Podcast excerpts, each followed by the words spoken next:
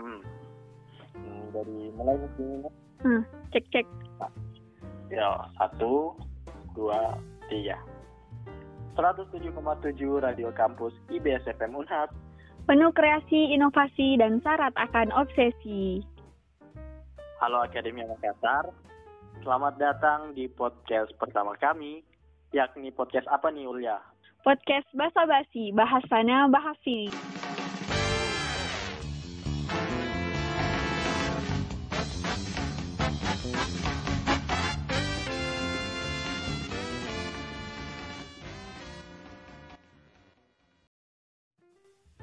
Nah, Ulia, karena ini podcast pertama kata hmm, kayaknya supaya lebih afdol kita perkenalan dulu. Ya, ya, betul betul. Uh, dari saya nah. Oke. Okay. Uh, halo dari Makassar. Kenalin nama saya Walus Saputra. Uh, biasa dan suka dipanggil dengan Y. Nah, dalam podcast pertama kita kali ini, tentunya saya tidak sendirian di sini saya ditemenin sama salah satu rekan saya. Halo Akademi Makassar, kenalin nama saya uh, Umul Aulia Syam, biasa dipanggil Ulia.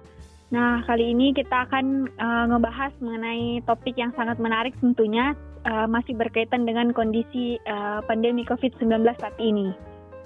Mhm.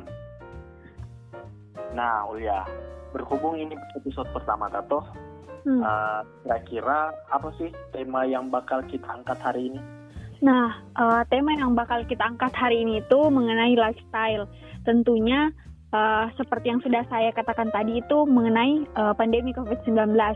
Jadi kita itu bakalan uh, ngebahas uh, mengenai apakah selama pandemi ini dampaknya untuk uh, Akademi Makassar itu uh, apakah lebih produktif atau malah lebih mager Makanya judul yang kita angkat kali ini tuh mengenai ya, ya.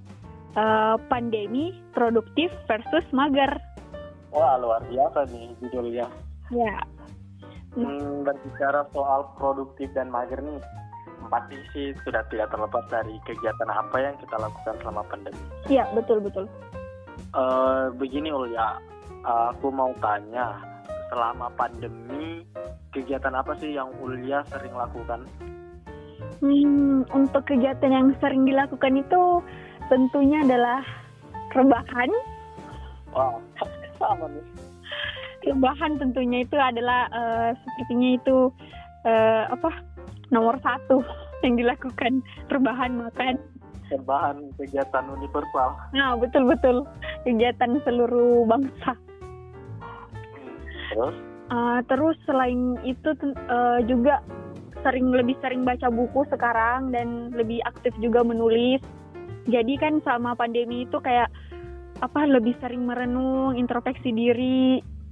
Apalagi kan lebih sering di rumah, lebih sering overthinking. Apalagi malam-malam tuh. Ah, betul. Di saat malam-malam mau tidur itu overthinking luar biasa luar biasa kayaknya itu penyakit anak muda nih sekarang. Betul betul. Nah makanya itu sekarang tuh lebih seringnya baca-baca tentang eh, buku-buku uh, yang tentang self improvement. Terus sekedar informasi nih Wai, sekarang tuh uh, saya juga lagi senang tentang baca-baca tulisan tentang minimalism. Tapi tidak bakalan ngebahas itu, terlalu berat kurasa. Kayaknya berat sekali ya dibahas di episode pertama ini. Ah, betul betul. Uh, kalau dari saya sih Ulya hmm, hmm. selama pandemi sangat tidak produktif sekali kegiatan yang saya lakukan. Waduh, kenapa kenapa? Karena gini gini. Juga. Selama pandemi ini uh, kegiatan yang saya lakukan pertama bangun hmm. pagi, terus lanjut terbahan, Waduh. Streaming, nonton, makan, terbahan lagi. Begitu terus jadi setiap hari. Oh jadi siklusnya begitu terus? Ah memang sangat tidak produktif. Waduh, waduh, waduh, parah, parah, parah ini sepertinya. Tapi, iya, iya. tapi uh, apa? Sepertinya itu kegiatan yang tidak, tidak yang kau lakukan sendiri deh. Sepertinya semua orang sekarang memang aktivitasnya begitu-begitu saja. Iya. Uh, oh iya. Berbicara tentang semua orang nih, uh, saya tanya. Hmm. Apa tuh? Uh, gimana nih kira-kira kan tadi kita uh, sebelum ada podcast ini kan kita udah ngelakuin riset nih. Iya, iya. Iya, betul banget. itu berupa pertanyaan di question box yang dibagikan melalui Instagram. Iya, iya. Uh, aku mau tanya nih Ulya, gimana kira-kira pendapat Akademia Makassar terkait dengan kegiatan yang dilakukan selama pandemi? Nah, kalau dari riset yang di Instagram akun aku tuh, uh, kegiatan dilakukan selama pandemi tuh top nomor satu adalah nonton. Sepertinya ini nonton memang jadi kegiatan paling paling sering dilakukan, paling iya, betul. Mhm. Karena kan apalagi sekarang tuh uh, yang lagi booming itu adalah nonton drama Korea. Wah, ini memang khusus konsumsi ciwi-ciwi saja. Eh, jangan salah ya, cowok-cowok juga itu nonton dra drama Korea. Iya sih, termasuk saya juga iya. itu kan terbukti. Duh, begini, tapi kalau saya toh, hmm. kalau drama Korea, aku pilih memang cerita yang bagus, kayak kayak gimana, kayak Sky Castle itu yang baru-baru aku nonton. Ah, kalau saya kalau saya saya juga itu uh, lumayan pilih-pilih sih. Tapi kalau lagi gabut sekali ya hantam saja nonton yang apa yang apa yang uh, jadi karena apa teman-temanku juga rata-rata nonton-nonton begitu jadi bisa sharing tuh. Apa nih lagi yang seru? Baku bagi judul tuh. Nah baku bagi judul betul betul hmm kalau kalau dari uh, pendapat Akademia Makassar melalui akunku nih, hmm. Hmm, sebagian besar sih kebanyakan uh, mereka lebih senang belajar. Wih, sangat produktif. Sangat produktif. Berbeda Tidak sekali dengan orang yang belajar. iya, karena kebanyakan nih dari hasil uh, pertanyaan yang dibagikan, hmm. mereka jawabannya itu seperti belajar uh, memasak, ataupun belajar tentang ilmu-ilmu yang sering dibagikan di webinar. Wih. Hmm, gitu sih. Ini sepertinya uh, followers saya ini orang-orang produktif. Hmm, followersnya saja. Followersnya orangnya enggak. Kalau saya tidak. hmm. Iya sih, kira-kira kebanyakan sih yang belajar selama pandemi ini. Mm -mm. Jadi, nah, terus ada nih yang menarik kalau dari uh, responden dari Akademi Makassar di Instagram akun ak akun saya tuh yang menarik kegiatan selama yang dilakukan selama pandemi tidur. Tidur. Oh, tidur? Tidur saja. Dan pandemi ini sudah ada empat bulan sekitar hmm. empat hmm. bulan. Kebayang. Luar biasa produktifnya. Waduh sangat sangat sangat produktif ini. Tidak ada sudah datang kalau kalau memang kalau tidur itu kegiatan yang paling enak dilakukan selama pandemi. Hmm. Gak tahu kenapa kalau misalnya kita tidurnya, hmm. nah, kayak merasa wah hilang semua beban gitu, stres apa segala macam, capek, jenuh. Iya betul betul. Jadi kalau memang kalau tidur itu serasa masalah itu semua dilupakan, tapi giliran bangun ingat lagi. Dan tidur lagi. Tidur lagi um, gini nih, um, aku mau tanya nih udah. Ah, uh, apa tuh? Kan selama pandemi ini, hmm. kebanyakan sih yang menonton atau tidur gitu kan. Hmm. Uh, aku mau tanya, uh, selama pandemi, Ulia pernah gak sih ngerasa kalau Ulia itu sering bosan atau jenuh? Kalau bosan itu jangan ditanya lagi, pastinya sangat-sangat bosan. Bahkan setiap hari rasa bosan itu setiap hari datang menghantui hidupku ya Allah. Apalagi ini pandemi. Sangat sangat kenapa bisa tuh karena kan seluruh aktivitas apa seluruh aktivitas di rumah saja di rumah. Terus keluar keluar juga uh, apa parnoan. Takut toh corona. Nah, ya, ya. jadi semuanya aktivitas di rumah saja. Jadi semua orang pasti bakal merasa bosan bukan cuma saya iya sih saya juga ngerasa demikian kalau misalnya kan tadi kegiatan yang saya lakukan itu kayak rebahan terus nonton streaming hmm. akhirnya bosan lagi iya makanya jadi uh, apa rasa bosan itu memang sepertinya tidak bisa lepas selama pandemi ini. Semua orang pasti merasakan. Apalagi Betul sekali. apalagi kok siklus-siklus siklus kegiatan seperti yang Wai lakukan. Astagfirullah sangat rentan dengan kegiatan bosan ini. Aduh, sosok jadi- utama. Eh, kalau dari perspektif Akademi Makassar nih, kira-kira gimana mereka cara dalam mengatasi bosan ini? Nah, sama seperti tadi, Hmm. kegiatan yang dilakukan dan cara mengatasi rasa bosan itu adalah menonton.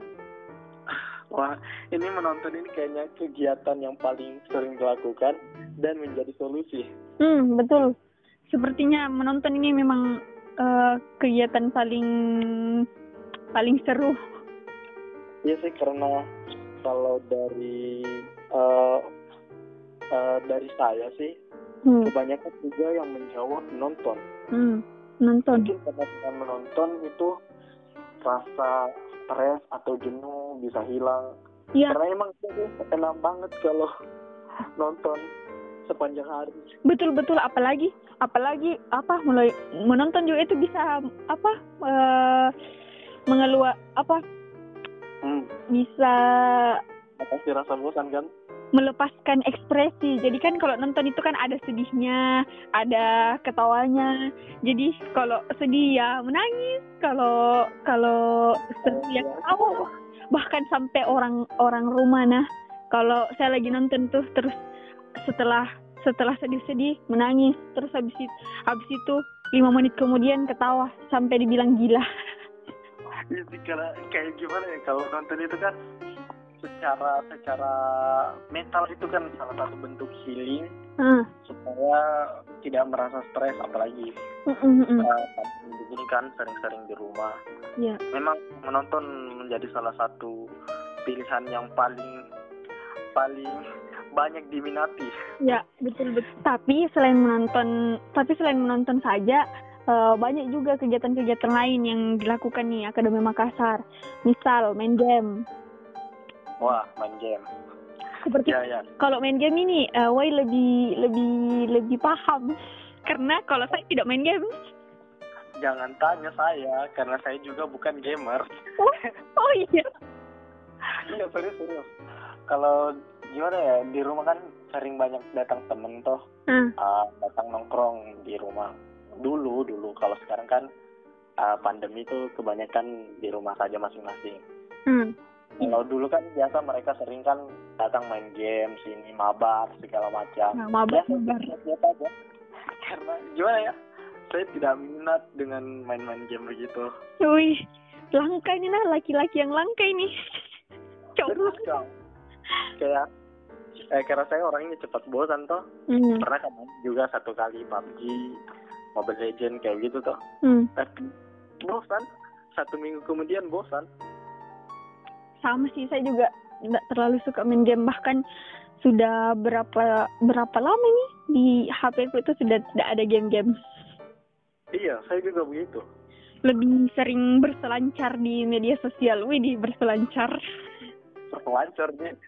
Streaming lah, streaming YouTube. oh betul itu kayak cari tekan kalau di media sosial kan tidak selamanya juga tentang hal-hal yang neta banyak informasi banyak banyak di tergantung kita kitanya yang tergantung kita penggunanya. Hmm.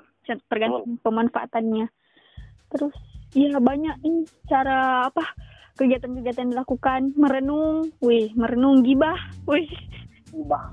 Wah, jadi kayaknya nih gibah menjadi kegiatan yang diminati juga ya. Nah sepertinya tingkat tingkatan apa tingkatan gibah ini meningkat selama pandemi karena orang tidak punya kerjaan, kerjaannya urus hidup orang. Ya gimana kan? Kalau misalnya nih sudah selesai kuliah kan? Mm-mm, dan dari kegiatan.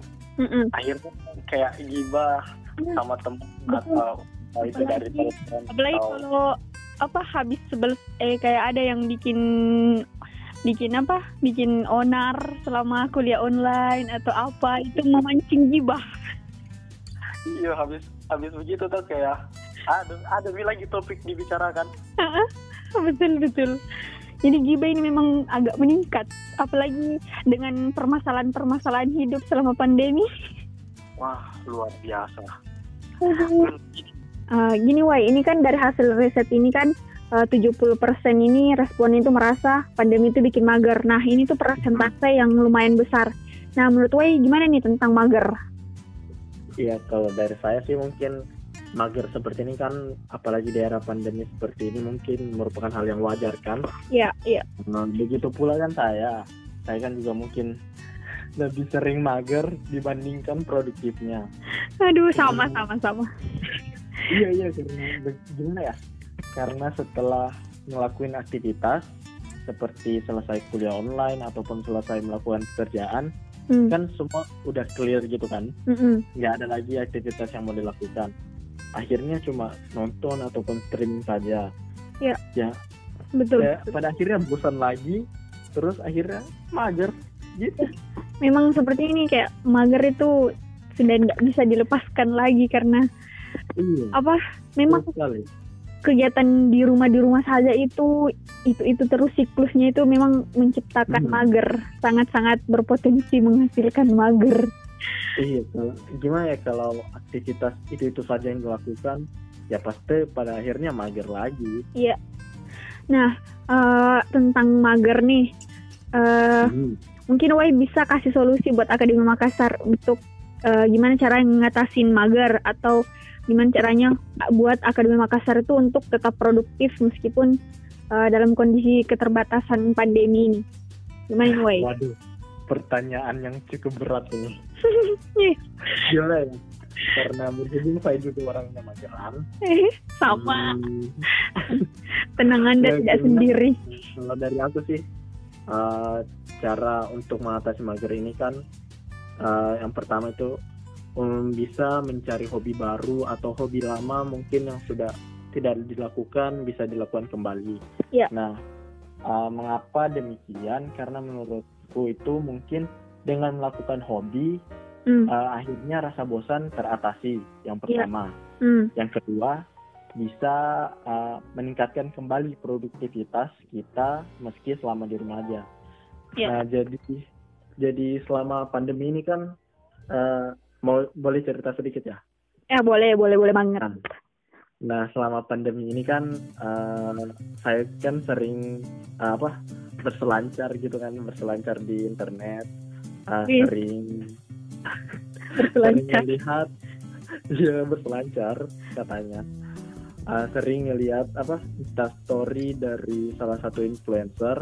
Mm. hmm, namanya itu backpacker tampan nah dia tuh sering nge story soal berkebun karena itu saya tertarik nih untuk mencoba berkebun nah. dan akhirnya uh, saya coba-coba mulai berkebun di depan rumah. Wih, sangat bagus ya followers yang budiman. followers yang budiman. Ya sama. setidaknya tidak mager-mager amat lah. Iya sama sih. Uh, ini juga lumayan sering apa uh, lihat instastory itu Ayu dia yang. Iya betul betul betul. Uh -uh. Jadi memang kalau lihat-lihat yang begitu segar tapi sepertinya uh, apa niat dalam jiwa saya ini belum terpanggil. Waduh. Waduh, memang kembali lagi ke diri sendiri ya. Eh, mager lagi kan jadinya. Nah, betul Mas. Gini gini. Uh, saya mau tanya ke Ulia. Uh, bagaimana sih pesan yang ingin Ulia berikan ke Akademia Makassar untuk mengatasi rasa mager ini agar bisa tetap produktif meski di rumah saja? Ah, kalau dari saya sih ya, untuk pesan hmm. buat Akademi Makassar, ini saya mengutip dari buku yang baru-baru ini saya baca. Jadi tuh penulisnya mengatakan bahwa ketakutan terbesar yang harus dirasakan oleh setiap orang itu adalah ketika mereka tuh nggak bisa untuk uh, mengaplikasikan kemampuan-kemampuan yang sudah dianugerahkan Tuhan. Nah, hmm. jadi uh, dari kutipan ini tuh kita bisa hubungkan dengan kegiatan mager ini. Jadi gimana buat apa untuk selalu tetap produktif itu adalah menggunakan kemampuan-kemampuan yang kita miliki. Jadi setiap orang itu kan pastinya hmm, punya iya, kemampuan kan, punya hobi, punya iya, kesukaan masing-masing. Jadi selama pandemi itu itu bisa di, dipikirkan atau di uh, untuk mengembangkan minat-minatnya. Misal dari yang Iya. minatnya baca buku lebih banyak baca buku kan bisa sharing sharing sharing buku ke teman-teman. Terus atau yang suka nulis jadi bisa apa menuangkan bakat menulisnya. Kan Ya, sekarang juga lagi banyak ya. ah, lagi banyak lomba-lomba menulis kan menulis esai. Hmm. nah lumayan itu bisa dapat pendapatan dari situ kalau menang kan nah Iya sih banyak banget value yang bisa didapat. Nah, iya betul. Terus yang suka desain bisa apa? eh, bisa bikin usaha-usaha desain. Sekarang kan lagi juga banyak webinar-webinar itu butuh butuh apa pamfletnya, butuh editor Hmm, untuk iya, Mm-mm. Nah, itu itu kan bisa dikembangkan selama pandemi. Nah, itu juga sebenarnya teguran ya, pesan untuk diri pribadi juga, Iya sih. Tidak terutama agar- saya. terutama saya juga. Kita berdua sih. Hmm, betul betul.